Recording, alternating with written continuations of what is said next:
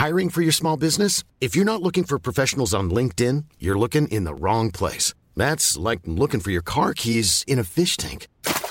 LinkedIn helps you hire professionals you can't find anywhere else, even those who aren't actively searching for a new job but might be open to the perfect role. In a given month, over 70% of LinkedIn users don't even visit other leading job sites. So start looking in the right place. With LinkedIn, you can hire professionals like a professional. Post your free job on linkedin.com slash people today.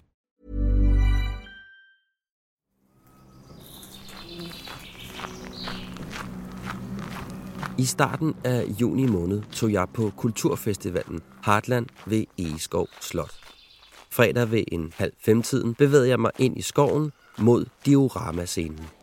For jeg skulle se en kunstner, som jeg kun perifært kendte til, men der var noget, som fascinerede mig ved ham.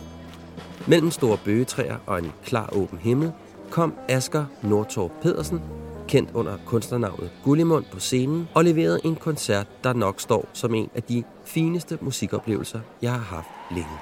En hudløs, sårbar optræden med en præcis skildring af det at kæmpe med og mod kærligheden. Og lige der besluttede jeg, at jeg ville have Asker bag mikrofonen og få ham til at fortælle sin historie. Og Asker sagde ja tak. Asker Nordtor Pedersen, eller Gullimund, er 31 år, sangskriver og musiker. Han har en syv år lang uddannelse bag sig på Musikkonservatoriet og har modtaget statens kunstlegat. Han udkom med sit debutalbum Dem vi plejer at være i 2021 og vandt hele tre steppeulvepriser. En for årets musiker, for årets tekstforfatter og en for årets udgivelse. Asger er opdraget med, at ansvar handlede om pligt og moral. At han skulle kunne klare det meste uden at pive, også selvom situationen følelsesmæssigt var uretfærdig og urimelig. Det skulle synkes, og det at vise følelser, det var ikke fordelagtigt. Da han senere i sit liv indleder et seriøst forhold med en kvinde, ja, så begynder Askers forståelse for sit ansvar at blive udfordret. For han mangler værktøjer til at tage sig af sig selv og sit forhold. I dag taler Asker og jeg blandt andet om misforstået moral, om værdien ved at sætte tydelige grænser, og huske en gang imellem at tage sit indre barn i hånd.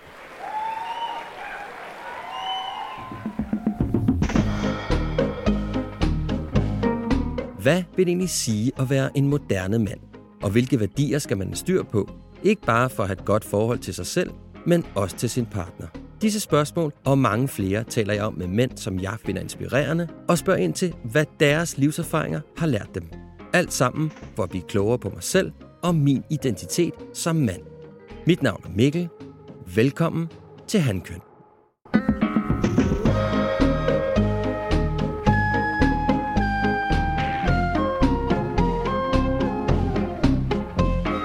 Jeg var jo på Heartland øh, i år, og så øh, stod jeg nede foran, jeg tror det er pavillon, den hedder, ikke?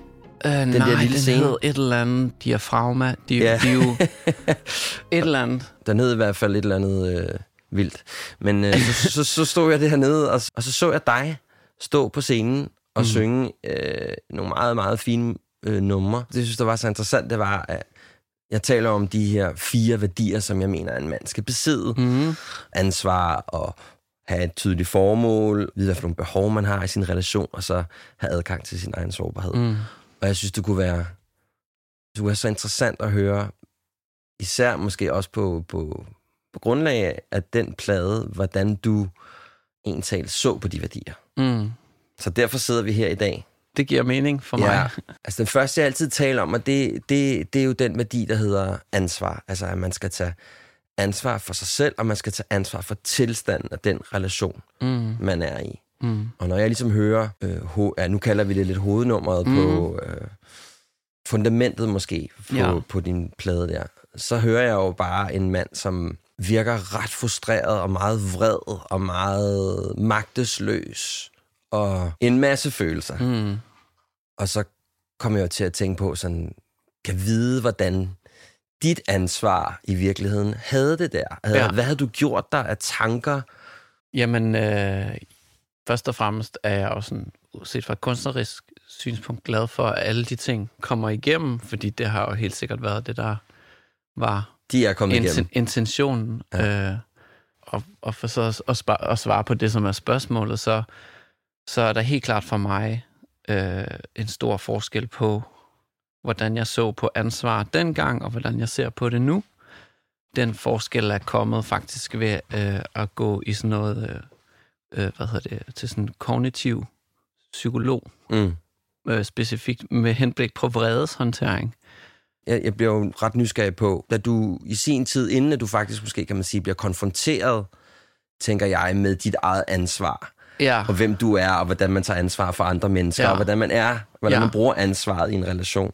Hvad var dit forhold så til ansvar? Jamen, mit forhold til ansvar var meget sådan øh, hængt op på sådan pligt og moral. Ja. Øh, og hængt op på en forestilling om at skulle være øh, stærk i et eller andet omfang og i stand til at klare alt. Hvad for nogle ting skal man klare, når man hedder Asger? Øh, ja, altså, dengang, det, er, altså det, det, det kommer selvfølgelig lidt tæt på, men det vidste jeg jo også godt var præmissen for at, ja. at, at komme herind. Mm. Øh, men altså for eksempel er jeg vokset op øh, som storebror, øh, og synes jeg ofte i min barndom af forskellige voksne personer i mit liv har fået at vide, sådan, nu må du lige være den store. Underforstået, øh, det der sker mod dig er urimeligt, men du har nogle andre evner eller fordele kvæg i det her tilfælde, Pligter at, måske at også, du er, er ældre, så du har ligesom pligt til at bære over med andres opførsel Mm. imod dig. Og det tror jeg, jeg har taget med mig, og sådan altid haft en, en idé om, sådan, okay, men jeg kan godt holde til det her, eller jeg kan godt være den, der øh, øh, bliver ved med at opføre mig øh, fornuftigt, hvad det så end betyder, øh, selvom andre omkring mig øh, reagerer sådan irrationelt. Øh, men Handler det altså også noget om sådan at sluge det, eller skubbe ja, det ned, præcis. ikke? Lige præcis. Ja. Altså sådan Ja. ja. finde sig i ting. Ikke? Øhm, og det, øh, det resulterer jo, det, eller resulterer for mig, og det tror jeg, det gør for mange, hvis man lever efter den, øh, det, sådan, den, det regelsæt, Ja. øh, at man på et eller andet tidspunkt jo får nok. Øh, fordi øh, det, som jeg har fundet ud af nu, øh, er, at, øh, at ansvar handler lige så meget om at sætte grænser øh, på, en, på, en, på en god og tydelig måde. Det relaterer selvfølgelig også til, til det, vi kommer til at snakke om med mm. behov. Øh, men ved at sætte positive grænser og klare, tydelige grænser, inden man er presset, så er man faktisk i stand til at, øh, hvad hedder det, bedre at beskytte sine omgivelser mod, at man kommer ud der, hvor man så råber højt, eller, Mm. Eller Ja, laver mister- en eller anden... mister sig selv i mister virkeligheden. besindelsen, ikke? Ja. Ja. Øh, ja, fordi det er jo også øh, rigtig, rigtig ubehageligt for, for en selv at komme derud. Mm. Altså, jeg synes også, man sådan ligesom svigter sig selv ved at tillade sig selv at blive så vred.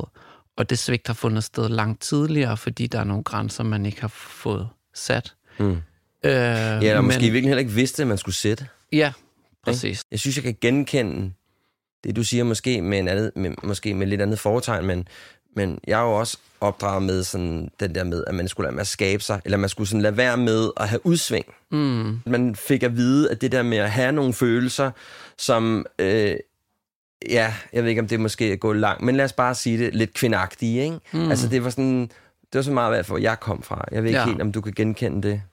Øh, jo, altså jeg, jeg, jeg er helt med på den der præmis om det netop at vise følelser er sådan noget, man, man også i min generation, jeg, hvad jeg er sådan en 10-12 år yngre end dig, Mhm. mm. eller sådan noget, at det at være sårbar og vise følelser er stadigvæk en feminin, et feminin karaktertræk.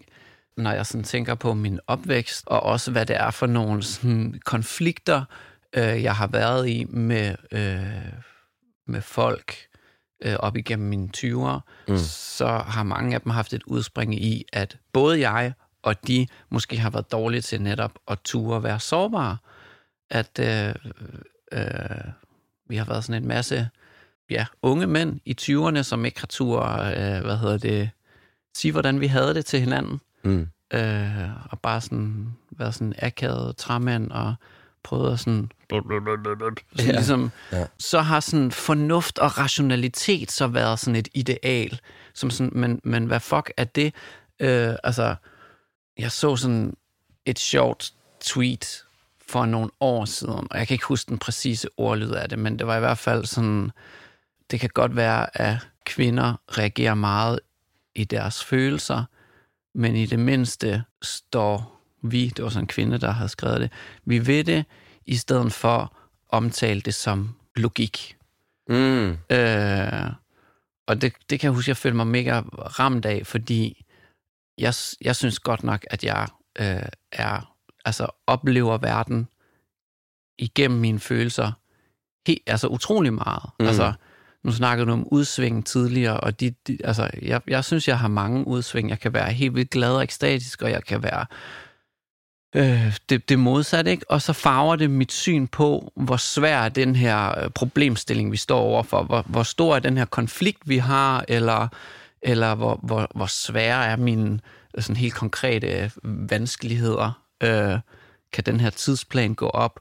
Mm. Øh, hvordan står det til min økonomi, med min økonomi? Det er sådan helt vildt meget humørstyret.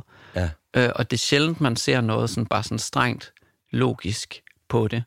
Det, øh, det tror jeg, jeg har været blind for tidligere. Hvad sker der så, når man møder en kvinde, som man er elsker, er forelsket i, og mm. synes er fantastisk, og man så i de tilfælde øh, møder op med de værktøjer, du har? Jamen, øh, mine værktøjer kom til kort. Øh, helt sikkert. Jeg havde noget øh, sådan selvrensagelse, på, som, som, som jeg skulle tage mig af, og brugte også mange timer og mange øh, tusinde kroner på at, at gå til diverse former for, for terapi, både øh, psykoterapi og parterapi, og, og til sidst til sådan, til, hos en kognitiv psykolog. Øh, Men hvad er det, der gør, at du tænker, at du skal have terapi? øh, jamen, at jeg pludselig befinder mig selv i at være så vred, Mm. som, altså, øh, som jeg ikke havde været siden min, øh, siden min barndom. Altså en hissighed, øh, som, som jeg ikke, altså som, som jeg ligesom var vokset fra, troede jeg. Mm. Jeg havde ikke set den, siden Men- jeg var sådan noget 11-12 år gammel, eller sådan noget. Men hvornår kommer den, den hissighed? Jamen, den møder jeg øh, i øh, min, min forrige, øh, i mit forrige parforhold, mm. øh, fordi jeg løber ind i nogle problematikker, som jeg ikke med mit sådan, øh, med min forståelse af fornuft og logik kan diskutere mig ud af. Altså, der er simpelthen nogle konflikter, nogle diskussioner, der kører i ring og ikke flytter sig. Mm. Øh, og det, der sker øh, for mig, og det er sådan ret, egentlig sådan ret, øh, det har sådan ret sådan fysiologisk forklaring op i hjernen, det er, at jeg øh, over tid oparbejder en kortere og kortere lunde. Altså, der bliver simpelthen, mit system bliver trænet til at, øh, ryge, at ryge i det der Ja. ja. fight-or-flight mode Ja. hurtigere og hurtigere, øh, indtil jeg til sidst er sådan, altså, En tjekkende bombe. ja, præcis. Ja. Så det vil sige med andre ord, at når det er, at, at du møder en, en kvinde, som ligesom siger, jeg har de her, de her følelser, jeg tænker de her, de her ting, hvad tænker du om det? Mm. Hvad skal vi gøre ved det? Ja. Så er det der, at, at, øh, at du Altså, jeg måske kan, går jeg, lidt i jeg, kan, jeg tror, jeg kan ikke... Øh, det er svært at... Nej, altså det er ikke på den måde, fordi den udlægning, du kommer med der, det Mm. lyder også som om, at jeg er blevet mødt af et menneske, som formår at tale om sine følelser. Der var ikke nogen af os, der genkendte vores følelser som værende netop det i situationen. Så I var begge to på en måde udfordret? Vi var begge to fuldstændig ja. forblændet af, at den måde, vi anskuede virkeligheden på, var gennem vores følelser. Og de følelser var meget øh, sådan voldsomme og stærke hos os begge to. Ja. Øh, Men ligesom pusset op med noget logik og noget, altså den måde, man, så kommer Ja. man så med de værktøjer og siger, jamen det er jo ikke, logisk set bliver vi nødt til at håndtere præcis. Altså, Ja. ja. vi troede begge to, at vi, at vi talte ligesom ud fra sådan en ob- objektiv sandheder, øh, og i virkeligheden så var vi bare sådan, altså, dybt øh, følelsesmæssigt sådan, Disconnected for, Ja. for jer selv. ja, Ja. og hinanden. Ikke? Ja. Øh, det var virkelig svært ligesom at komme nogen vegne i en diskussion så med det, fordi det eneste, der virker, er jo er faktisk at trække sig fra konflikten og vente på, at man ligesom falder til ro, og så kan man have samtalen ud fra et, fra et sted, hvor... Fornuftigt Ja, præcis. udgangspunkt. Ja. Præcis. Øh, og det fandt jeg ud af, at jeg kun kunne lære at blive i stand til, ved så at komme ud af den relation. Mm. Fordi det kræver, at begge parter udvikler sig, og det følte jeg ikke, at vi kunne gøre sammen. Mm-mm. Og så gik du i Øh. terapi.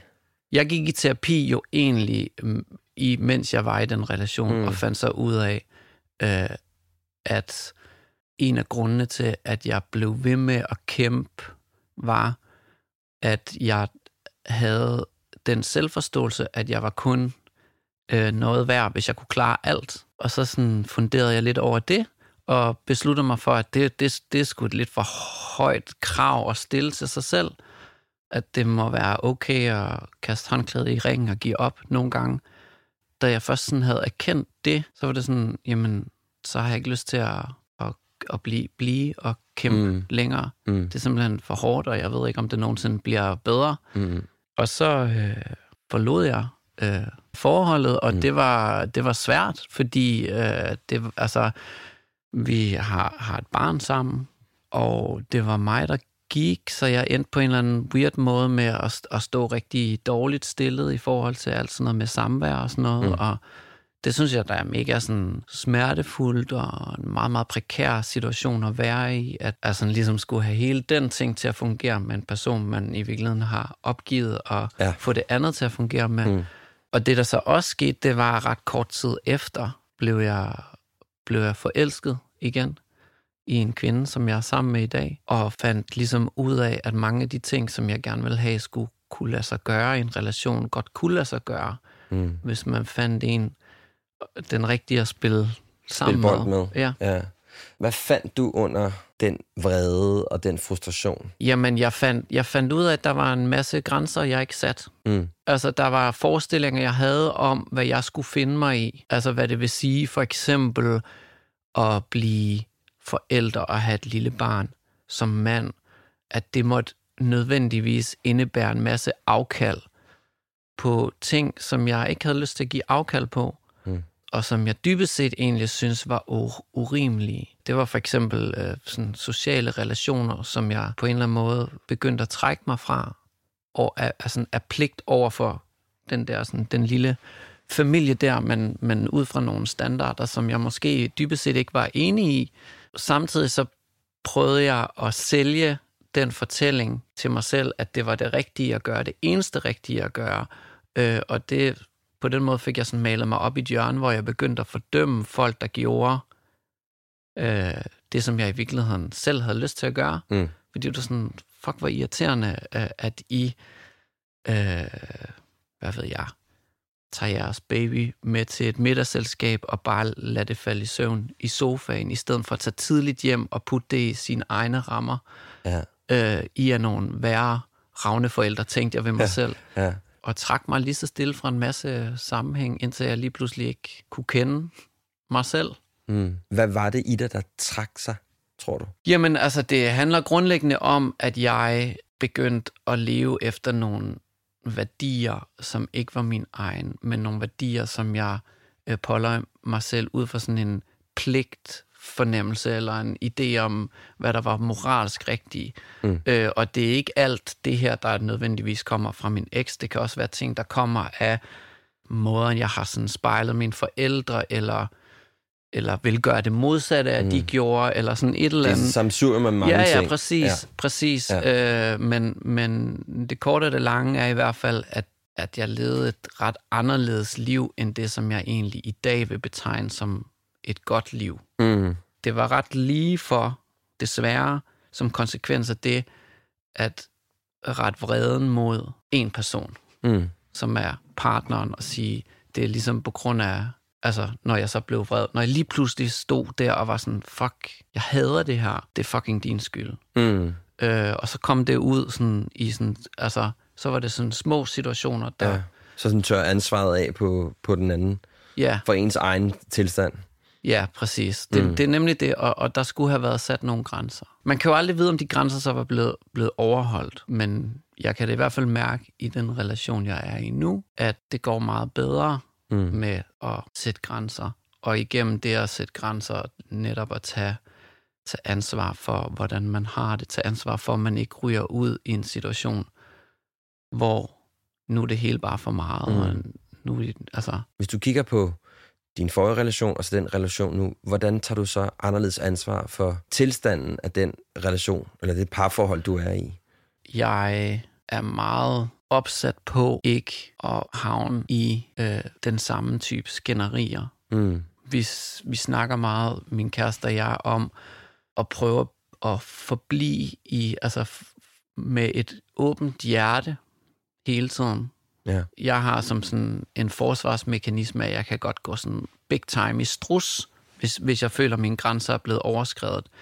Øh, så øh, Så lukker du lidt ned. så lukker jeg ned, jeg vil ikke have øjenkontakt, og jeg kan nærmest sådan forfalde til sådan noget selvsabotage, bare sådan, så, Så kan det kan, det være lige hele meget. være lige meget, ja. præcis. Ja. Øh, og det ved jeg, og det har jeg haft siden jeg, siden jeg var barn faktisk, den der ting, og det er også kommet mellem mig og venner og samarbejdspartnere og sådan noget. Mm. Men det prøver jeg virkelig at sådan At være bevidst. at være bevidst omkring. Og nu, mm. nu er jeg i hvert fald nået til det sted, hvor jeg, sådan kan, sådan, jeg kan se, det er det, der foregår. Og det er meget sjældent, at jeg så ikke er i stand til at sådan, øh, gøre noget ved det. Fordi jeg har fundet ud af, at faktisk det, det, det, det nemmeste trick til at komme ud af det, det er bare sådan at sige, at det er det. Hey, jeg er totalt i strus. Hjælp mig Ja. og så, og så bare sådan være super specifik med, hvad det er, jeg er vred over, øh, hvad, eller ked af det. Også hvad mine negative tanker og forestillinger om virkeligheden er. Jamen det er fordi, lige nu føler jeg, at du er sådan og sådan og sådan. Mm. Og det er ikke fordi, jeg siger det rigtigt, men det er sådan, det føles inde i mit hoved. Jeg er mega sur, og jeg har bare lyst til sådan og sådan og sådan. Mm. Så du bliver også meget på din egen Ja, ja, så siger jeg bare, og sådan, Ja. Og så kan min kæreste, hun kan være sådan, okay, det lyder hårdt, at du har det sådan. Og så har hun ligesom en mulighed for at møde mig, fordi mm. jeg ikke Og hvad, gør, og hvad gør det så ved dig, at hun hvad skal man sige, møder dig i noget, som jeg tænker må føles ret sårbart at sige sådan, jeg, jeg er mega vred på dig, jeg synes, du er mega irriterende, og jeg kan mærke, det trigger alt muligt i mig. Mm. Jamen, jeg siger ikke, du er mega irriterende. Der er nemlig nogle virkelig vigtige små, øh, mm. sproglige forestil. Ja. Øh, jeg, jeg siger, jeg føler for eksempel, at det, du sagde, var irriterende. Eller, sådan, eller altså, du Ja. ved, sådan, prøver sådan ligesom i sådan, altså fordi, Du prøver at holde i din egen, ja, ja, præcis. selv. Ja. Altså, det er, sådan, det er min synsning.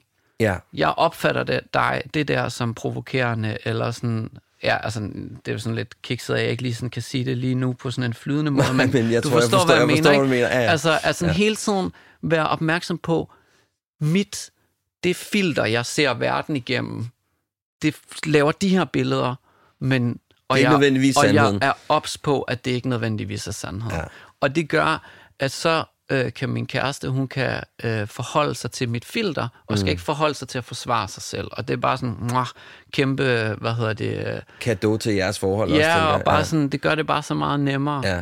Og, øh, og Så det, så det jeg også hørt dig sige, det er, at du i virkeligheden har lært at tage ansvar for, at du har nogle følelser, som er uhensigtsmæssige i lige præcis her, men, men du står ved, at det er sådan, du har det. Ja, det er jo også svært, hvis man skal sådan prøve at undertrykke sine følelser. Altså, jeg har lært, at mine følelser er der mm. i situationen. Mm. Og det er noget med, at sådan den del af hjernen, der ligesom tænker rationelt, den har ikke lige så mange sådan forbindelsesveje, som øh, det center, som bare er sådan i sådan løb for livet, du er i fare. Ja, mygdalagen, ja. Præcis. Mm.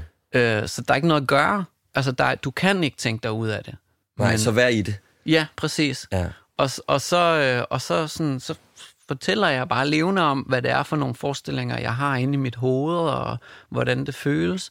Og på den måde kommer jeg også sådan forbi modstanden og forbi vreden, og så kommer jeg ned til sårbarheden, og så kan jeg jo faktisk, eller så kan min kæreste jo møde mig i det, fordi det er nemmere at møde et andet menneske i deres sårbarhed, end mm. det er at møde dem i deres sådan, modstand og vrede. Men du er jo også, men det jeg også tænker, det er, du, du er jo meget tydelig og siger, at det her det er noget, der foregår hos mig. Mm. Det her foregår overhovedet ikke over hos dig. Mm. Det er jeg med på. Men jeg sidder, når du siger sådan til mig, så går alt det her i gang hos mig. Mm. Altså det er jo også det, der ligesom er, Ja. tænker jeg, her er kimen til, at at det er okay, at du har det sådan. Ja, præcis. Ja. præcis. Altså det, fordi det er nemlig det, at så, så er man jo også okay. I, altså, for det er okay at have følelser. Mm. Det er også okay at være vred, og det er også okay, at der var en grænse, man glemte at få sat, og nu er man altså blevet sådan lidt ked af det, og i den ked af det hedder man så blevet lidt sur, sådan en, øh, øh. Mm. Mm. Øhm, min kæreste har også nogle gange, hvor hun ligesom ryger ud af en tangent af en eller anden følelse, som hun ikke kan kontrollere, øh, og som bare sådan ligesom gør det lidt umuligt at komme videre i en samtale. Men der har vi sådan lidt et billede, som i virkeligheden kan gælde for begge to, men det sådan svarer lidt til, at man sådan har stået, eller at man bare sådan ligesom er blevet sådan blæst op i luften og hænger i sådan en faldskærm. Mm. Og så hænger man ligesom bare der sådan, og dasker og sådan, okay, nu, nu, eller sådan de Nu der ballonfisk der, der Ja. sådan ligesom, puff, Ja. og så Ja. bare sådan, ja. nu må vi bare vente, til du lander igen, så kan vi fortsætte den her samtale. Ja. Og så er der ikke nogen grund til at, sådan, at prøve alt muligt. Det er bare sådan, det her, det skal lige gå over. Det synes jeg er sådan mega øh, sådan byrde, der bliver taget af ens skulder. At det der med, at man må godt have sine følelser, og man skal ikke bare sådan tage sig sammen og komme ud af dem. Mm-hmm.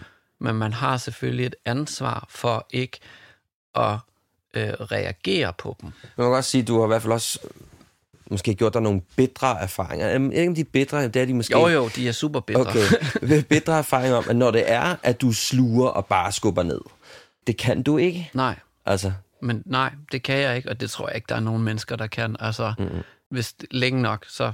så eksploderer skibet, Ja, ikke? jo. Ja. Fordi det der med en time-out, det, det, det er jeg stødt på så mange gange i øh, parterapi øh, i mit forrige forhold. Mm. Og jeg synes, det var irriterende, for jeg synes sådan, altså, for jeg forstod ikke pointen med det. Altså, forstod ikke... Øh, altså, jeg synes bare, det var sådan et udtryk for, at man ikke var klog nok. Eller gav op. Ja, mm. at man havde brug for sådan den der, fordi det, jeg siger, giver super logisk mening. Og det var først, da jeg sad over for en rigtig dygtig psykolog, som bare sådan forklar, altså han bare sådan lavede sådan nogle, på sådan en whiteboard forklaret, det er sådan her, din hjerne virker. Øh, der bliver skudt adrenalin ud af det sympatiske nervesystem, øh, og så kan du tænke alle de logiske tanker, du vil, men det virker ikke en skid. Du bliver nødt til at sådan, Kom ned med faldskærmen. ja, Du lytter til Handkøn, en podcast om at genfinde mandens identitet. Værsgo. Hvad skal der til for at sikre, at din relation forbliver relevant for jer begge? Hvordan bliver man endnu bedre til de nødvendige samtaler i parforholdet? Og hvorfor er kritik så essentiel for, at relationen kan blive ved med at vokse? Disse og mange flere er nogle af de spørgsmål, som parterapeut og forfatter Daisy Løvedal og jeg giver svar på ved vores foredrag Løft dig selv og dit forhold til nye højder. Og det er den 5. oktober i Kuben på Frederiksberg. Vi ser på, hvad der er vigtigt at forstå ved hinanden som partner, og hvad man skal være opmærksom på ved hinanden. Du får mulighed for at stille spørgsmål til os på scenen, og vi giver dig også håndterbare værktøjer, som du selv kan arbejde videre med derhjemme, for at blive mere bevidst om dig selv og din rolle i relationen. Foredraget er både for par og singler, der vil gå mere bevidst ind i deres nuværende eller næste forhold. Du finder billetter via linket i show notes eller ved at søge på fof.dk København.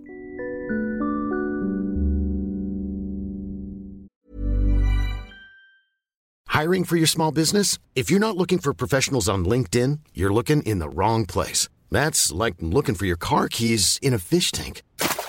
LinkedIn helps you hire professionals you can't find anywhere else, even those who aren't actively searching for a new job but might be open to the perfect role. In a given month, over 70% of LinkedIn users don't even visit other leading job sites. So start looking in the right place. With LinkedIn, you can hire professionals like a professional. Post your free job on linkedin.com slash people today.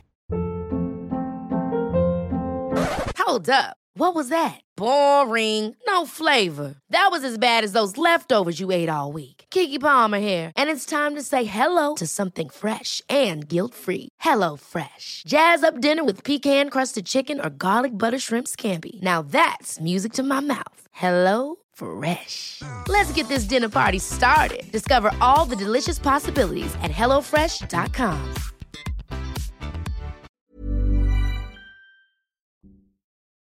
Og nu tilbage til episoden. Øh, Den næste, jeg gerne vil tale med dig om, det er øh, det formål. Mm. Om du har gjort dig nogle tanker om, hvad dit formål er. Ja, jamen det har jeg, det har jeg øh, faktisk rigtig meget, og rigtig meget at, at mange af de tanker er kommet sådan faktisk i kølvandet på, at jeg øh, udgav øh, det album, dem vi plejede at være sidste år, og lige pludselig kunne mærke, at der var en masse mennesker, der spejlede sig i de historier. Også, altså også mange flere, end jeg havde forestillet mig. Der er helt klart i min karriere været meget tydeligt før og efter det album, hvor før var jeg ligesom bare under uddannelse og opkoming og på dagpenge. Og så lige pludselig så er der folk, der lytter til musikken og øh, bliver berørt af den og inspireret af den på forskellige måder og, og, og kan spejle sig i det. Det har gjort, at jeg på en måde har sådan, kunne sådan sænke skuldrene lidt, fordi jamen det, det, det, det er, man kan næsten, jeg kan næsten ikke snakke om det, uden at hive det op på sådan lidt et sådan semi øh, spirituelt plan. Det må faktisk. du gerne. Da jeg lavede det her album, så lavede jeg sangene ud af sådan man kunne kalde det nødvendighed, men måske også bare sådan ud af sådan, fordi jeg var fixeret. Det var det eneste, som jeg, der fyldte i mit liv. Mm. Så det var ikke et valg, jeg traf om, at nu skal jeg skrive sange om at være om at kæmpe med problemer i parforholdet, eller skulle finde sig til rette i en identitet som nybagt forældre, eller sådan, hvad end. Mm. Altså, det var ligesom bare sådan, det er de sange, der kommer. Og det, som jeg har gjort aktivt, er, at jeg har øh, uddannet mig til at være øh, sanger, sangskriver, musiker på alle mulige måder gennem lang konservatorieuddannelse og en masse musikskole og kor og sådan noget før det. Øh, så jeg ligesom sådan sørgede for, at jeg havde nogle værktøjer til at så forme mit liv eller mine oplevelser, forme dem om til det her mm. medie øh, som er musik, som er mit medie. Så, så man kan sige, du, du har forberedt dig meget, og du har dygtiggjort dig mm. i lang tid, mm. så du kunne være meget specifik. Ja, det kan man godt sige. Ja. Altså, jeg har dygtiggjort mig at udvikle mit sådan, tonesprog og min måde at arrangere musik og min måde at være bandleder på. Og, øh, og så har jeg brugt, brugt øh, lang tid lige op til, og mens jeg lavede øh, pladen på at udvikle mit sådan, tekstunivers, eller med sådan, mit, mit sådan lyriske koncept, til at være det der meget øh, konkrete og tørre i virkeligheden. Ja. Så konkret i billedsproget, og prøve at have sig få sådan øh, følelsesmæssige ladninger, det jeg siger. Hvis du kigger på Matisse, eller hvis du, altså vi lige skal løfte mm. den op, kigger på Matisse, hvis du kigger på Picasso, går man kunne okay, ja, ja, nu, det må jeg da sige. det, du, det er mere for eksempel skyld, men du må godt tage den på dig. De startede med, Matisse startede med at være sådan en supernaturalist, mm. men, ender, men ender med at lave blade, ikke? Mm. Picasso startede også et helt andet sted, men ender med at lave en tyr eller nogle kvinder, øh, der ser lidt bussy ud, ikke? At det der med at tåre og vise eller finde ind til præcis, hvad det er, man gerne vil. Når man har arbejdet nok med noget, i lang tid, så begynder der lige pludselig at komme noget frem, som er ja. lige præcis ens, ikke også? Jo. Og det er bare den pointe, jeg ligesom Klart. ville have med. Jamen, øh, tak for, så, øh, for det den som sammenligning. Et godt ja. Øh, ja, jamen helt sikkert. Altså, jeg tror også, nu, det var vist inden, at vi tændte mikrofonerne, men ja. jeg fortalte, at arbejdet med den næste plade har været ret flydende, og jeg tror også, det har været fordi, at jeg har fundet netop min metode. Det er så ment med, at jeg har kunne sænke skuldrene, der at jeg på en eller anden måde øh, føler, at øh, det ikke er mig, der ligesom bærer det største ansvar for, hvordan det her bliver. Fordi der, ligesom, der sker nogle ting i mit liv, mm. som sådan er begivenheder, som jeg ikke opfinder. Jeg har sådan lidt for sjov et motto, der hedder, you can't make that up, but you can write it down. ja. Som ligesom har været mit øh, øh modus operandi det bliver jo bare sådan serveret foran mig. Og selvfølgelig det, jeg har gjort, det er, at jeg har trænet mig selv i at kunne skrive det på den der måde. Altså det er jo ikke sådan, man beslutter sig ikke fra den ene dag til den anden at kunne skrive på den der, og kunne filtrere alle de der ting fra. Altså det kræver øvelse. Men den øvelse er bare sådan, ligesom at øve sig på alt muligt andet. Man kan blive dygtigere til, at man gør det igen og igen og igen, og har nogle bestemte øvelser. Og, så. Mm. og det er heller ikke øh, takket være mig, der er andre, der har lignende oplevelser. Så det, at folk kan spejle sig i mit liv, er jo også bare fordi, at jeg er et menneske på den her planet, øh, på nogle lignende vilkår med alle mulige Mm. andre. Men Og det siger, kan jeg heller ikke tage credit for. Nej. Men når du siger det sådan, at, det, at med far for, det lyder spirituelt, hvad mener du så med det? Øh, ja, hvad mener jeg så med det? Det er en spirituel oplevelse, eller en mystisk oplevelse for mig at skrive efterhånden, fordi når jeg sætter mig ned for at gøre det, findes værket ikke, Mm-mm. og når jeg er færdig, så findes det. Øh, og jeg har ikke øh, en idé om, hvad det er, der skal komme til at ske. Så noget kommer ligesom et sted fra. Mm. Og jeg siger ikke, at det er sådan musen, der fører pinden, øh, men det er alligevel sådan noget, der er her i den her verden. Så at, ligesom at ture bare sådan give sig hen til sådan, når men jeg er blevet udsat for de her musikalske indtryk gennem livet, eller jeg har den her smag, eller jeg har valgt at bruge min tid på at lære at spille klaver på den her måde, eller guitar på den her måde, eller synge på den her måde. Og nu skete det der, og når jeg tager de her ting sammen, så kommer der det her ud af det. Det er det eneste, jeg kan gøre. Det Mm. eneste, jeg kan gøre, det er se, hvad der sker foran øjnene på mig, og så øh, sætte det sammen med de håndværk, jeg mester, som lige nu er musik. Mm. Og, og så kommer der noget ud af det, og så behøver jeg ikke at tage ansvar for mere end det. Hvis jeg bare har gjort det, Mm. så har jeg opfyldt det, som jeg så synes er mit formål. Og hvad er Øh, så dit formål? Jamen, det er at, at skrive de sange, der Ja. ja. kommer ud af det. Altså, jeg har de her øh, evner, som jeg både øh, til, til dels er, er medfødte, men jo som jo også er nogen, jeg har tillært mig med, at først mine forældre har brugt penge på at sende mig i musikskole, og siden staten har betalt øh, for, at jeg har gået på musikkonservatoriet. Og øh, nu bruger jeg de evner til at lave musik, som jeg så deler med, Med verden. med verden. Og så, øh, og så øh, hvis der er nogen, der får noget ud af det, Mm. så er det rigtig, rigtig godt. Men har du gjort dig nogle tanker om, hvad det er, du gerne vil fortælle med dine historier? Når jeg sidder og lytter til din musik, hvad er det så, du godt kunne tænke dig, at der Ja. skete i mig? Jeg har en tanke omkring det, altså fordi jeg, som jeg var lidt inde på før, så vælger jeg, jeg, jeg synes ikke, jeg vælger emnerne så aktivt. Altså det er meget sådan, okay, det er det, der sker, det er det, der fylder det, er det jeg skriver om. Mm. Men der er noget i metoden, jeg skriver på, og også i måden, jeg fremfører det, også når vi optræder live, hvor jeg er meget, meget opmærksom på at hive privatpersonen Asker ud af det så meget som muligt. Okay. Det er, mit, det, det er faktisk min fornemmeste opgave, det er at beskrive de her situationer, men at gøre dem så øh, upersonborgede som muligt. Så man, så man kan relatere til det, Præcis, tænker så man kan ja. i virkeligheden læse sig selv ind i det. Ja. Fordi hvis folk, de hører de her sange og tænker, Nå, Asger, han havde det godt nok svært, eller øh, Nå, nu er, er Asger glad, eller sådan, øh, så, øh, Så, så får de ikke noget projekt. Så ja, altså Ja. så er det lige meget. Mm. Så, og så vil de heller ikke... Altså, folk kommer ikke for at se mig være i godt humør eller i dårlig humør. De er ligeglade med, hvordan jeg har det. Øh, så når jeg stiller mig op på en scene, så parkerer jeg mit eget humør ude bagved. Det eneste, jeg går op i, det er at Og være... formidle. Ja, og, Mm. og sådan være sådan, have det godt i min krop, sådan så jeg kan sådan synge de her sange på den måde, de nu Mm. er skrevet. Og så er det jo ikke mig, der græder, når jeg synger de her sange. Det, det skal være publikum, det publikum, der skal have de her følelser og blive glade eller ked af det eller et eller andet. Ja. Det gør jeg mig meget tanker om. Ja. Altså, det synes jeg er ret fint formål at sige sådan, jamen i virkeligheden så tager jeg mine oplevelser, som alle mennesker har, så lægger jeg dem ud til, at folk kan spejle sig i det, Mm. og få nogle følelsesmæssige oplevelser, og at dele det, og være autentisk om at, at dele Ja. det, ikke?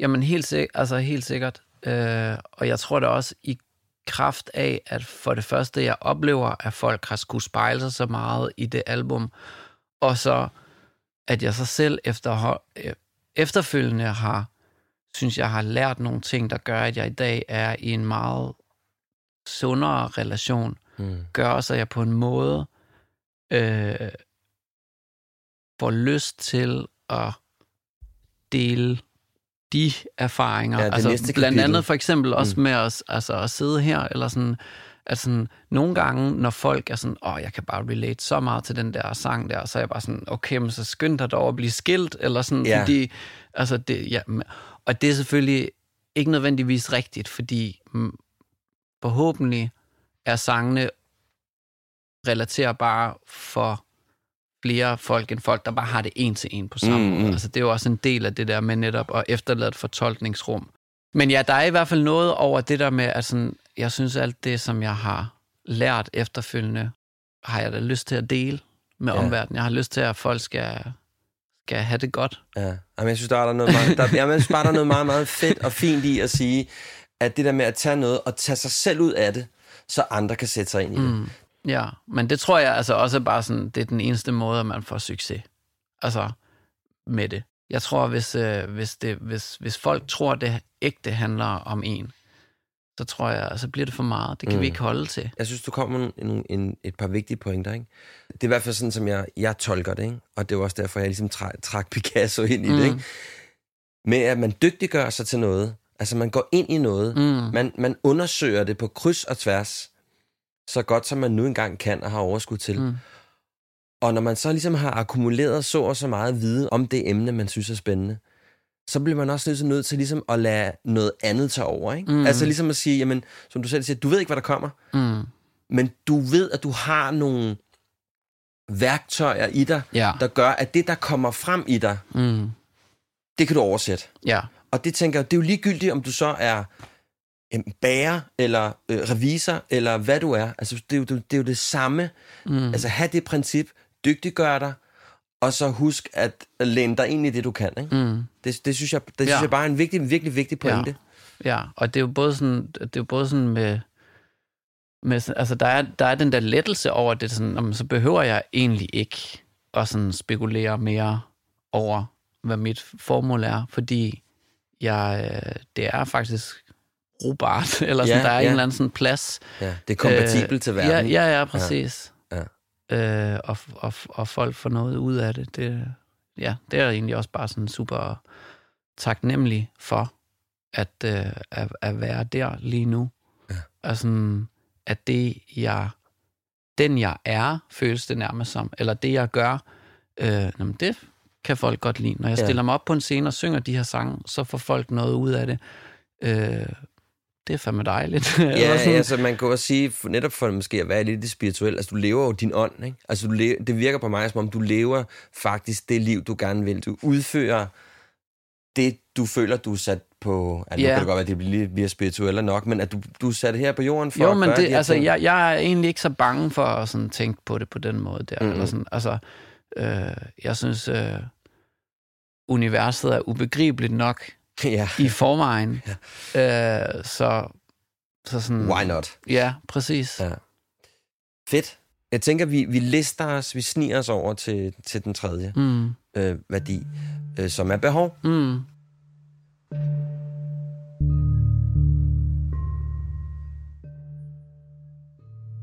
Og, og det, jeg oplever ret tit, når jeg taler med mine gæster, eller når jeg taler med mine egne klienter, eller når jeg taler med jamen, bare sådan med venner, det er, at behov for mange mennesker, især i relationen, handler om noget meget fysisk. Altså det handler noget om, at jeg gerne vil ud og spille fodbold, eller Mm. jeg vil gerne ud og fiske, eller jeg vil mm. gerne cykle en tur, drikke nogle bajer med drengene, mm. hvad det kan være. mm, Når det kommer til de følelsesmæssige behov mm. i relationen, så oplever jeg tit, at der er stadig plads til udvikling hos mange. okay.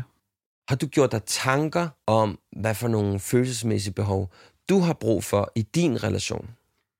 Øhm, ja, altså det første, jeg kommer til at tænke på, det er sådan, at jeg har gjort mig mange tanker og haft mange samtaler med min kæreste om sådan noget med, hvilke følelsesmæssige behov. Det relaterer lidt faktisk til det der med ansvar, Ja. som, som man skal lægge over på sin partner.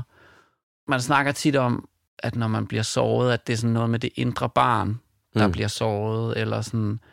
Og en meget naturlig reaktion for mig, når jeg er blevet såret i mit indre barn, det har tidligere været at have en forventning om, at der skal komme en voksen og tage sig af det barn. Ja. Den voksen har så skulle være øh, partneren. Men det har jeg fundet ud af, at det, øh, det, det skal man egentlig selv gøre. Man skal selv være, være den voksne. Og så, At tage, sig- at tage sig sit eget indre barn. Ja, præcis. Ja. Og så, øh, og, og igen, vi opererer meget med sådan nogle konkrete billeder. Øh, jeg sådan ser for mig, at det indre barn står ved siden af mig, og jeg tager det indre barn i hånden. Det er måske også nemmere, efter jeg er blevet far, faktisk, at Mm. forholde mig til, hvordan man trøster sit indre barn. Jeg tager det indre barn sådan under min vinge. Du kommer her, og sådan, så står jeg op, og så møder jeg så min kæreste øh, med min sårbarhed, men man kan sådan høre en forskel på i en stemme, om man taler fra det sårede barn, eller om man tager ansvar for det sårede barn, og så fortæller, hvad det er, man har behov for at blive set og Det kunne jeg godt tænke mig et eksempel på. Det lyder ret interessant. Altså, lige nu taler jeg med min voksne stemme. Ja. Og hvis jeg nu var blevet ked af det, og lå i min seng, øh, så nærmest sådan kravle lidt op under dynen, Ja. eller, eller øh, og sådan bare begyndt at tale, men det er også fordi, eller sådan et eller andet, altså Ja. vi har vores stemmer, Ja. tror jeg, eller jeg har i hvert fald, min kæreste har også, så taler vi på sådan en eller anden sådan underlig sådan, øh, øh, Ja. men det er også bare fordi, at så, øh, da du sagde det der, så blev jeg sådan, nø, nø, nø. nej, nej, okay, det er også fordi, at da du sagde det der, Mm. og det er sådan lige pludselig, så, så, øh, så skal ens partner ikke trøste et barn, så skal ens partner forholde sig til et voksen menneske, som det voksne menneske, som de er i et forhold i. Ja. Og så bliver det sådan meget, ja, det føles bare meget mere sådan sundt og nede på jorden, og man kan stadig ja. udtrykke alle de samme, sådan, springer også Jamen, det er fedt. mellem Det ansvar gerne. og sårbarhed Ja, men og det, sådan de noget. tingene hænger jo frygtelig meget sammen, jo. men øh, det synes jeg er ikke et konkret følelsesmæssigt behov, men en måde at kommunikere sine følelsesmæssige Ja. behov måske At være snarere. opmærksom på, hvor det kommer fra. Præcis. Ja.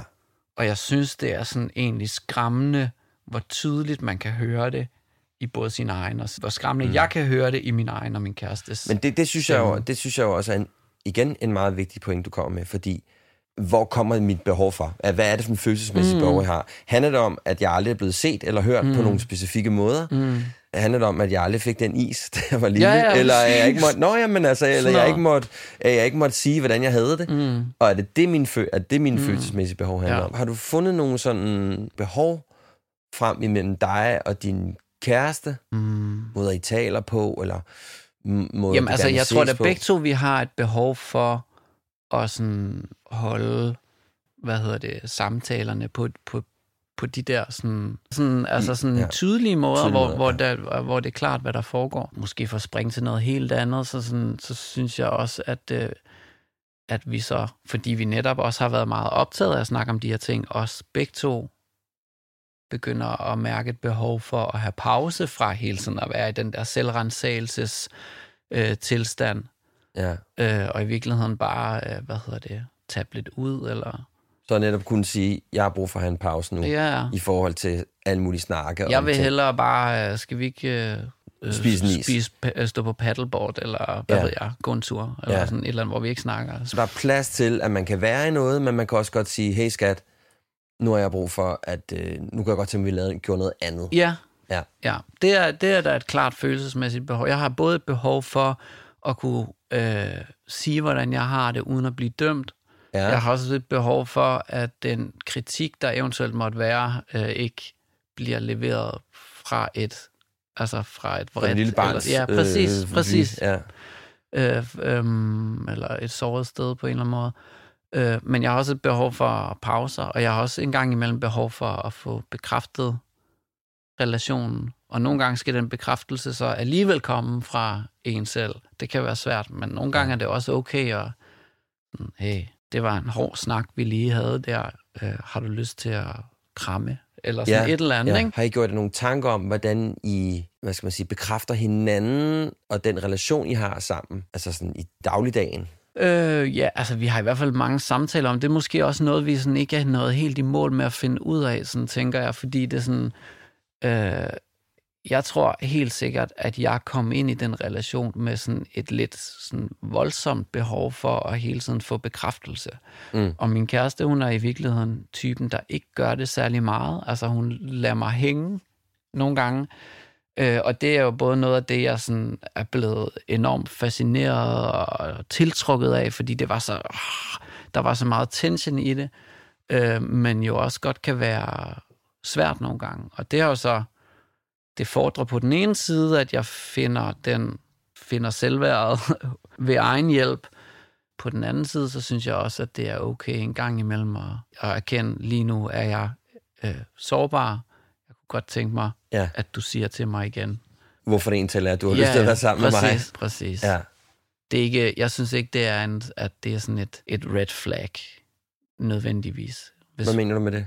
Jamen altså, at det er sådan, at det, at man har brug for den bekræftelse, er et tegn på, at der er noget galt i forholdet. Jeg tror personligt, at det er sindssygt sundt mm. at være sådan ret præcise over for hinanden.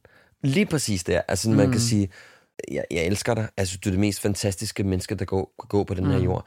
Altså, hvis jeg får sådan noget at vide, så kan jeg næsten gå igennem mure. Mm. Men Noget- kender du ikke også det der med, at du så selv siger det, fordi du gerne vil have, at, at Jo, få det partneren samme siger igen. det tilbage, og hvis de så ikke gør det, sådan, så står man der og flagrer og sådan Ja. noget.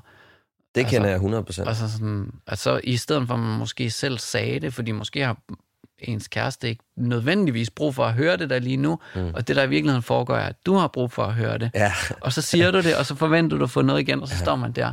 Der tror jeg, det bare er fint at ligesom sådan sige, vil du sige til mig, hvorfor det er, du elsker mig? Eller sådan, Ja. Eller sige, som du selv siger, jeg har sgu brug for at vide, at, øh, at du elsker mig i dag, fordi jeg, jeg, Ja, ja. jeg, jeg kan mærke, Ja. ja. mit selvværd, det er lidt Ja. ja. skøjet i dag. Ja. Ja. Ja. Jeg har da været i relationer, hvor det, det, så er det bare ligesom ikke blevet sagt. Mm. Eller det er ikke sådan blevet, der er ikke blevet gjort opmærksom på, at det var faktisk et behov, mm, som min partner havde på det tidspunkt, Ja. og det blev ikke, det blev ikke opfyldt. Ja, Det blev ikke opfyldt. Og så kan der jo godt komme en konflikt ud af det senere. ja. Ikke? Fordi så er der noget, der ikke rigtig sådan, så kan der godt komme en eller anden, du ved, sådan, ja, nå, det får jeg alligevel aldrig, eller du ved, sådan, så kommer der et eller andet, hvor Mm. ja den, der er sådan, det, så den indre sårbarhed bliver virkelig... øh, Så der er noget med at, at, at i virkeligheden finde ud af, hvordan skal vi ligesom anerkende hinanden, Mm. for at vi godt vil være i en relation. Der, jeg hørte også, at du taler om, I skal have adgang til hinanden, Mm. I skal kunne tale om tingene, Mm, men jeg hørte også, at der skal være plads til, at man kan sige, hey, prøv her, nu skal, synes jeg, vi skal ud af paddleboard. Mm. Altså, nu, nu kan jeg mærke, nu er jeg et sted. Ja. Og det ikke betyder, at jeres relation er slut, eller Nej, du nej. ignorerer hende, Nej, nej. eller du synes, hun er nedtur, men det handler om, at nu kan du ikke mere. ja. Hvordan er dine behov det i din forrige relation? Øh, jamen, jeg var slet ikke klar over, hvad det var. Altså, det, jeg synes, det her med behov er meget beslægtet med grænser. Det er jo ligesom sådan, det er jo i virkeligheden lidt det samme. Hvad, hvad vil jeg gerne? Hvad vil jeg gerne? Og så er der de grænser for det, man i hvert fald ikke vil, og så er der måske også en grænse, der bliver sat for det, man ikke kan komme til, ikke? Eller Jo. sådan. Øh, og jeg vidste ikke, hvad mine behov var. Jeg vidste ikke, hvad der var vigtigt for mig. Altså, jeg købte ind på alle mulige forestillinger om, at det her kunne jeg leve uden, og det her kunne sættes i stedet for, og sådan, Tror du, det var med til at sætte fod under din, din vrede? Ja, helt sikkert. Ja. Altså, vreden kom, kommer af uopfyldte behov og grænser, der ikke er, altså blevet sat, eller grænser, der er blevet over, overskrevet. Mm. for mit vedkommende i hvert fald.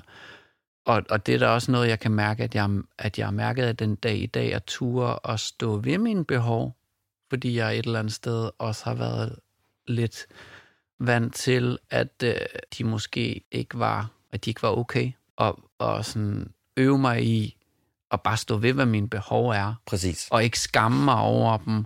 Og det er jo så ikke det samme som, at alle ens behov kan blive mødt alle døgnets 24 timer.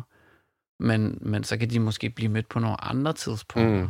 Tænker du, at de behov, du havde dengang, og de behov, du har nu, er de beslægtede, eller, eller andre Ja, ord, det er fuldstændig det er de, samme behov. Det er de samme behov. Altså, det er alle mulige behov. Altså, det er behov, der strækker sig over de ting, du nævner før. Altså, mm. øh, dyrk, sport, et eller andet grad af social aktivitet og, og gang i gaden, men jo selvfølgelig også behov for meningsfulde, meningsfyldte samtaler med sin partner, øh, og lave sjove ting med sin partner, sådan ligesom både opleve sin partner på tomandshånd, og også opleve ens partner i andre situationer, hvor de agerer anderledes, så man ser dem i et, i et andet lys, end det man ser derhjemme, og sådan, så man kan sådan gå og være forelsket i det også, og sådan noget.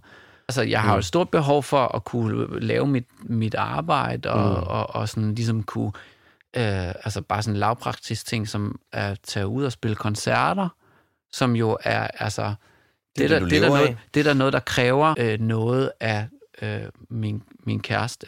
Bare sådan helt lavpraktisk, er du med på, at jeg er væk øh, i de her Ja. perioder? Der går også en linje ved det der, øh, der hvor det bliver en flugt. Eller mm. det har jeg bare sådan lige øh, øh, sådan funderet lidt over på det seneste. Altså nogle af de der ting, som man gør. Jeg skal bare på stadion hver søndag. Ja. det kan jo godt komme fra sådan et, Nå, men det finder jeg bare en stor kvalitet i, øh, og det er jeg Mm. super glad for. Men det kan også blive sådan en, øh, altså den sidste lille bastion, man formår at holde som Personlig sin frihed. egen. Ja. Præcis. Så, så synes jeg, det er, øh, at der er et eller andet, man skal, skal, skal tænke over og kigge på. Hvorfor er det der? Mm. så vigtigt for mig at have ret til lige netop den her ting. Hvorfor Ja. skal jeg sige det her så tydeligt? Og hvorfor er det så farligt, hvis jeg så en enkelt gang ikke kan få lov til det? Når så er det hele min personlige frihed. Sådan havde jeg det faktisk med at, at, at spille fodbold. At, øh, at hen mod slutningen af mit forrige forhold, gik jeg til fodbold fast øh, på nogle sådan faste tidspunkter, og det var mm. nemt i forhold til børnefamilie, men det var også en institu- institutionaliseret frihed, som jeg så vidste, jeg havde, fordi det var så svært for mig at stå ved, hvis jeg havde lyst til at gøre noget på nogle andre tidspunkter. Ja. Øh, fordi jeg i et eller andet omfang var kuget, og lod mig kuge. Jeg synes, det er mega vigtigt, hvis man for eksempel har et eller andet erhverv, eller har et eller andet, der bare sådan, jeg ved, det her, det gør mig bare så glad. Jeg skal ud og Mm. surfe, eller Spil musik. spille musik. Det er sådan ligesom en del af det, jeg er. Det er sådan, men bare det ikke bliver en, en flugt.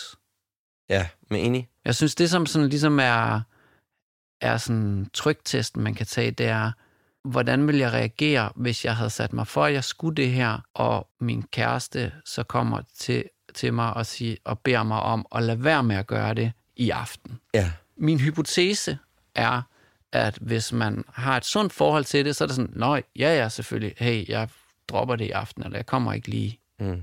i dag, fordi jeg ved, jeg kan bare gøre det næste gang, eller næste gang igen. Men hvis man i forvejen har det der, som det der, man ser frem til, det er min frihed, og den så bliver taget fra en af den person, som ligesom er den, man har fået bygget op, er ansvarlig for, at man ikke har sin frihed. Så kan det godt være, at man er- bliver mega sådan trodsig, og nej, fandme nej, og hvad, nej, selvfølgelig skal jeg det, og ja. din bedstefars bisættelse må vente. Eller sådan, Ja. altså, Ja, han må blive begravet torsdag. ja, ja. ja. Øh, Det er en god lakmustest, synes jeg. jeg, jeg, jeg ved det ikke. Altså, jeg har ikke... Øh, Nej, det er ikke, det er ikke en stort, der ligger ikke et stort øh, phd projekt bagved. Nej. Men jeg, men jeg tror... men jeg har lyst til bare sådan at sende den Ja, ud. men jeg tror, der- jeg tror- jeg hvis, synes, jeg ved det- ikke, om folk skriver ind til dit det ved jeg ikke, det finder de vi ud af. Vi, og kan- vi sådan. kan jo opfordre til, om folk kan genkende. øh, Ja, Det, det synes jeg faktisk er interessant. ja. ja. Lytter til Handkøn, en podcast om at genfinde mandens identitet. Hankøn bor også på Instagram. Her kan du følge med bag kulissen, få nys om events og andre gode tilbud. Og det hjælper mig på vej, hvis du følger, liker og deler mine posts. Så er du nemlig med til at sprede det gode budskab om hankøn og min mission om at genfinde mandens identitet. Du skal bare søge på hankøn. Vi skal også lige nu at tale om øh, sårbarheden. Yes. For mig var det sådan noget, altså det var virkelig noget, der ikke var maskulint. Altså mm. det var, det, det er ikke noget, der er blevet opfordret i- der, hvor jeg kommer fra, mm. at man som dreng skulle udtrykke, hvordan man havde det. Og mm. det vil sige, da jeg kom i relation, så er jeg virkelig kommet på glat is, når mm. det kom til at udtrykke netop den lille dreng, som mm. vi talte om, eller de følelser, jeg ikke rigtig vidste, hvordan jeg skulle udtrykke. Mm. Så det blev meget ved, at jeg var sur, eller jeg var vred, eller jeg var også, eller jeg, du ved, altså det, at jeg var trodsig. Altså, Ja. der var ikke rigtig nogen, der var ikke nogen nuancer på Det er det. de sådan traditionelt set socialt acceptable måder at udtrykke følelser på som mand. Præcis. Men, men jeg synes, jeg oplevede, at den kultur, jeg kommer fra, har det været okay, at manden ligesom fik lov til at te sig lidt, eller sådan fik lov til at- at være limiteret i den måde, han udtrykker sine følelser på. Mm. Altså, sikkert noget pis, eller det gider jeg sgu ikke, eller jeg gider faktisk ikke tage, din, tage til, til din mors fødselsdag. Mm. Det må du sgu selv gøre, eller mm. hvad det nu kunne have mm. været, ikke? Ja. Så, så tænker jeg, hvordan har du det med din sårbarhed i dag? Øh, jamen, den har jeg, altså, øh, den har jeg det egentlig fint med i dag. Ja.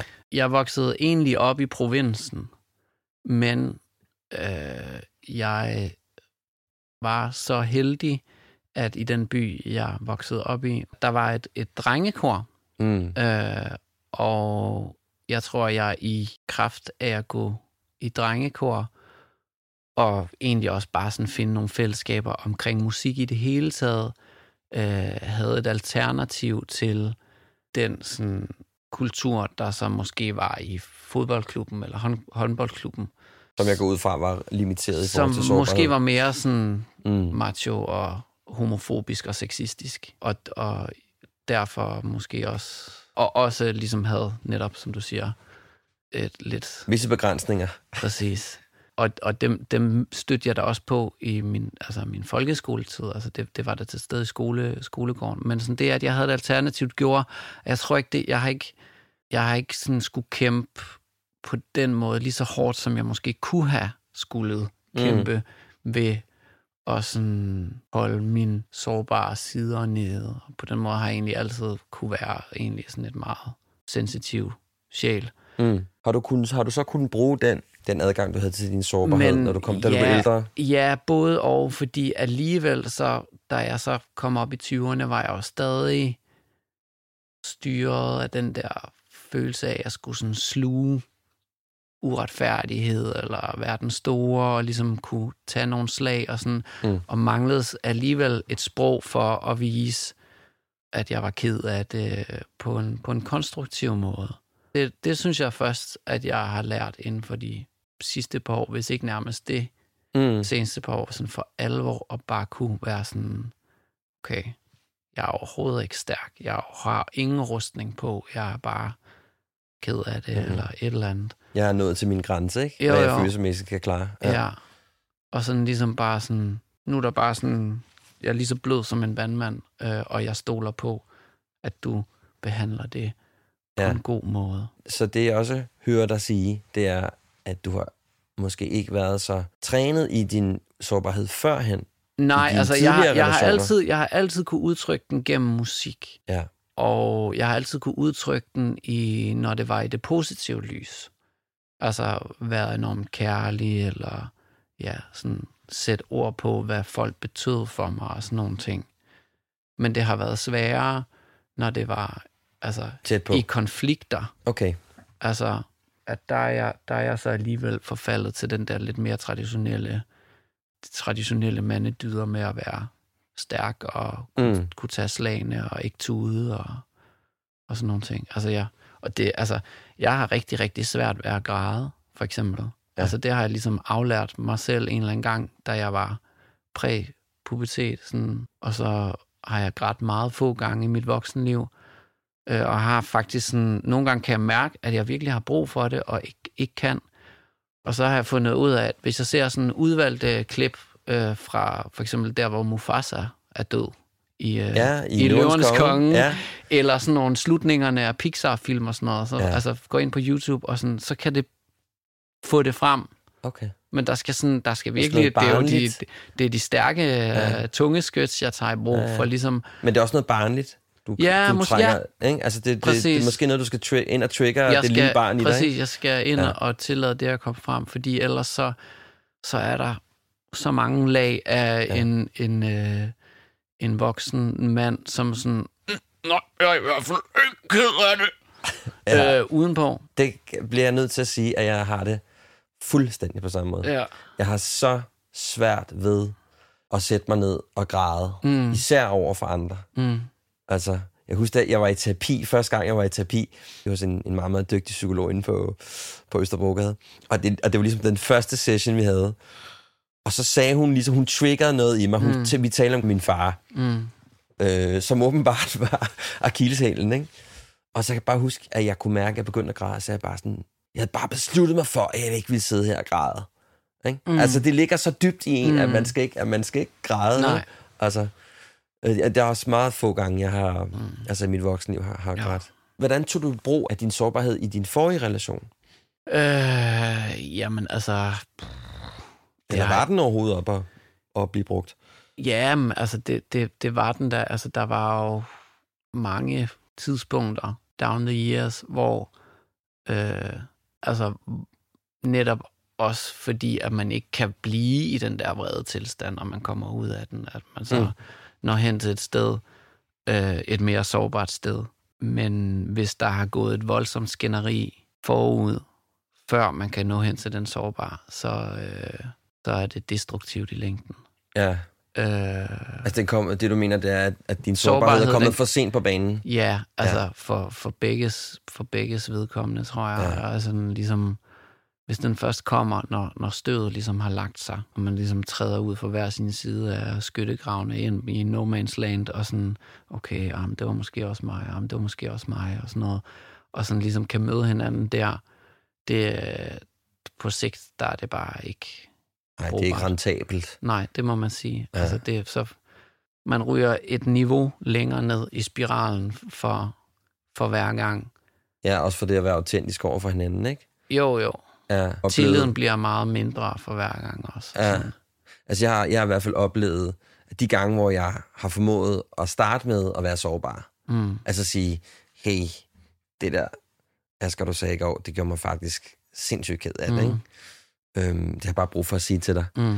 Og man har fået serveret det på, selvfølgelig skal det serveres på en god måde, Mm. og i de rigtige omstændigheder, man skal fortælle, hvad der sker, Mm. mm. altså, man kan ikke bare kaste sådan en på bordet, Mm. når man står og laver krebinetter. Men, Eller fondue. eller fondue, som jeg jo laver meget af, tydeligvis. Ja. Øhm, Og døber krebinetter. og døber, ja, døber, døber med ja, pango-mel selvfølgelig. Øh, men jeg, jeg tør ikke tænke på, hvor mange øh, diskussioner, jeg har undgået på den måde. Mm. Altså bare fordi, hey, det det, der foregår. Og så kan det godt være, at den anden lige sådan står og, og, og murer lidt rundt. Ja. Og sådan, men der, der kommer alligevel sådan, okay, det, det er jeg sgu ked af, jeg Mm. gjorde. Ikke? Altså, hvis man bruger sin sårbarhed rigtigt. Ja, ja. Ikke? Altså, jeg, jeg, jeg tror på, at, at, øh, at det, det er sværere, og, altså det, det er svært at blive vred på nogen, der udtrykker sårbarhed.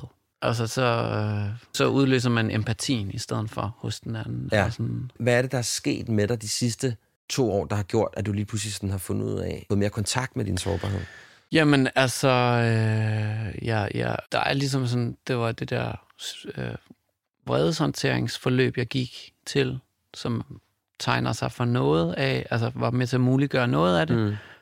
Øh, Altså, du gik i, i decideret terapi for at, vredes, for at få styr på din egen vrede. præcis. Og så Ja. fandt jeg ud af, at altså, jeg fik ligesom kortlagt nogle, nogle sådan leveregler, jeg havde sat op for mig selv, som, som et eller andet sted var, var urimelige. Øh, og da jeg så frigjorde mig selv for de leveregler, så kunne jeg lige pludselig lave nogle forandringer i mit liv. Og det var jo så blandt andet ved at øh, gå fra min eks, men det var også mange andre måder at gribe det an og være menneske og hvordan jeg var i verden.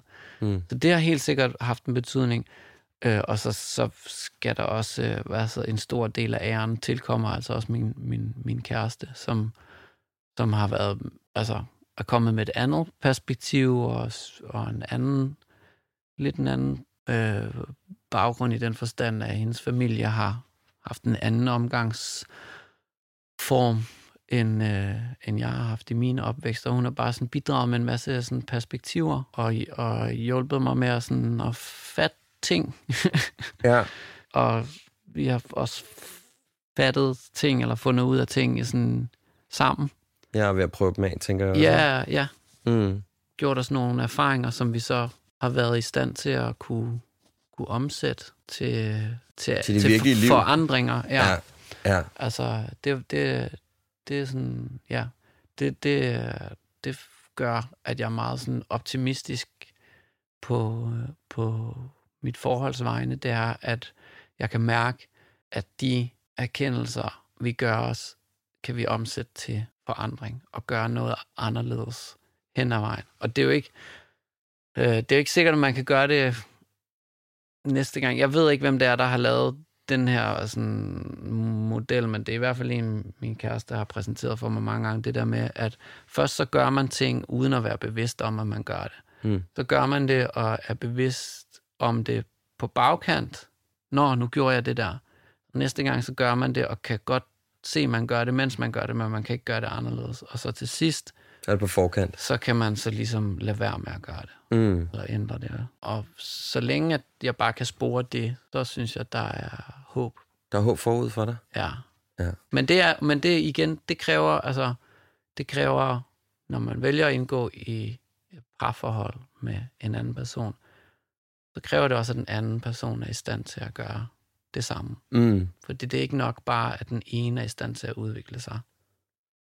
Nej. Som man ligesom begge to kunne gøre. Begge skal have lyst til at spille tennis, ikke? Jo, og ikke bare lyst, men også være i stand til det. Mm. Og det er, jeg er ikke sikkert, det er alle mennesker, der er i stand til at lave den udvikling. Folk kan have mange grunde til, at det bare aldrig kommer til at lade sig gøre. Asger, det var simpelthen så hyggeligt at møde dig. Jamen i lige måde. Og jeg synes, det var, en, øh, det var spændende at høre dit perspektiv på, øh, ja, på dit liv, og øh, hvor du er på vej hen. Mm. Så øh, tusind, tusind tak, fordi du gad at snakke med Jamen, mig. øh, tak fordi ja, du vil have mig. Det vil jeg.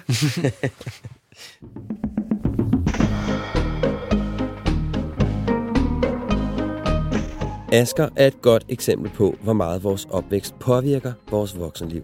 At det, vi lærer som børn af vores forældre, sidder så dybt i os. Vi tænker jo i dagligdagen ikke videre over, hvad vi er rundet af. I hvert fald ikke før, hvor vi for eksempel kommer i en relation, og det går op for os, at vi mangler en del tangenter at spille på. Og så er vi på den. Og nogle gange kan det være for sent at redde. Som i Askers og mit tilfælde. Så hermed en lille invitation til måske at tage et smukik ned i dit mentale kælderrum og se, om der var noget, der måske skal ses lidt efter i sømne. Det er bare et forslag. Om 14 dage kommer der et meget spændende handkøn forbi mikrofonen, for der får jeg nemlig besøg af komponist, musiker og producer Kasper Vinding. På rigtig godt genhør.